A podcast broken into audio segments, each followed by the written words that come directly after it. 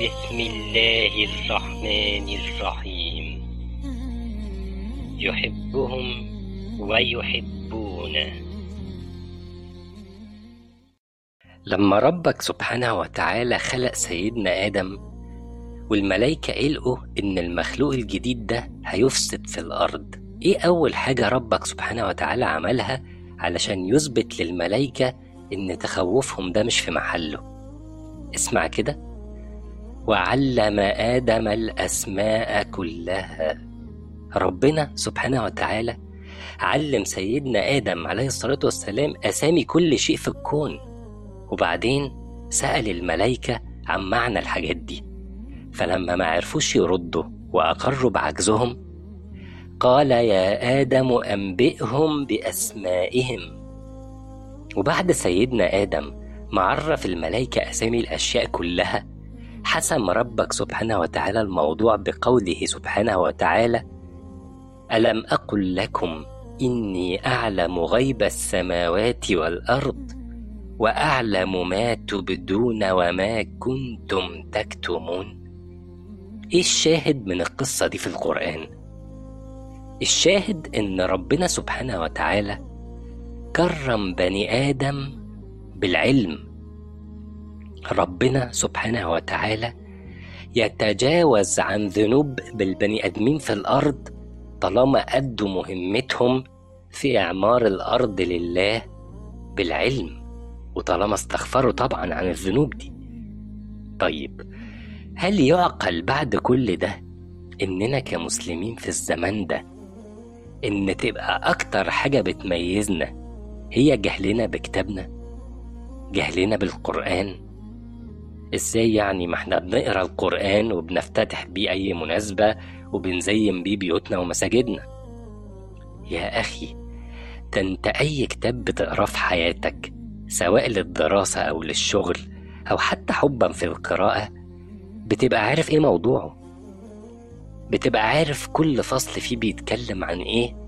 وإيه الهدف منه؟ وإيه العلاقة بين كل فقرة فيه باللي قبلها واللي بعدها وبكل فصل باللي قبله واللي بعده؟ ولو كلمة وقفت معاك وانت بتقرأ بتقف وتبحث عن معناها علشان تستوعب المعنى اللي الكاتب بيعبر عنه. هو إحنا بنعمل كده مع القرآن؟ يا أخي ده النبي عليه الصلاة والسلام علمنا إن لله أهلين من الناس. أهلين يعني مجموعة كبيرة من الناس ربنا سبحانه وتعالى خصهم بمحبته.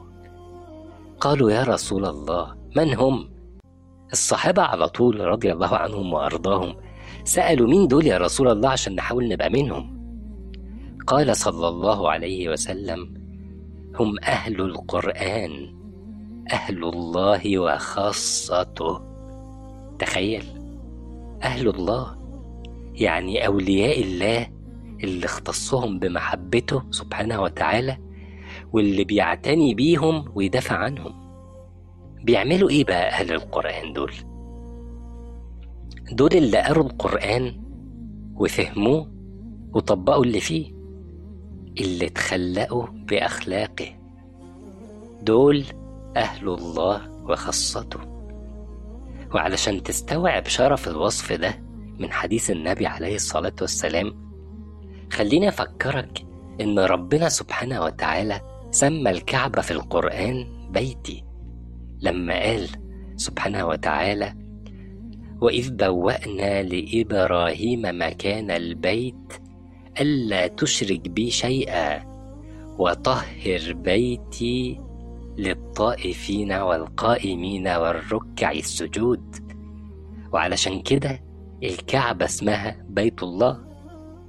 أهل القرآن بقى اسمهم أهل الله. عاوز تبقى منهم؟ قول يا رب.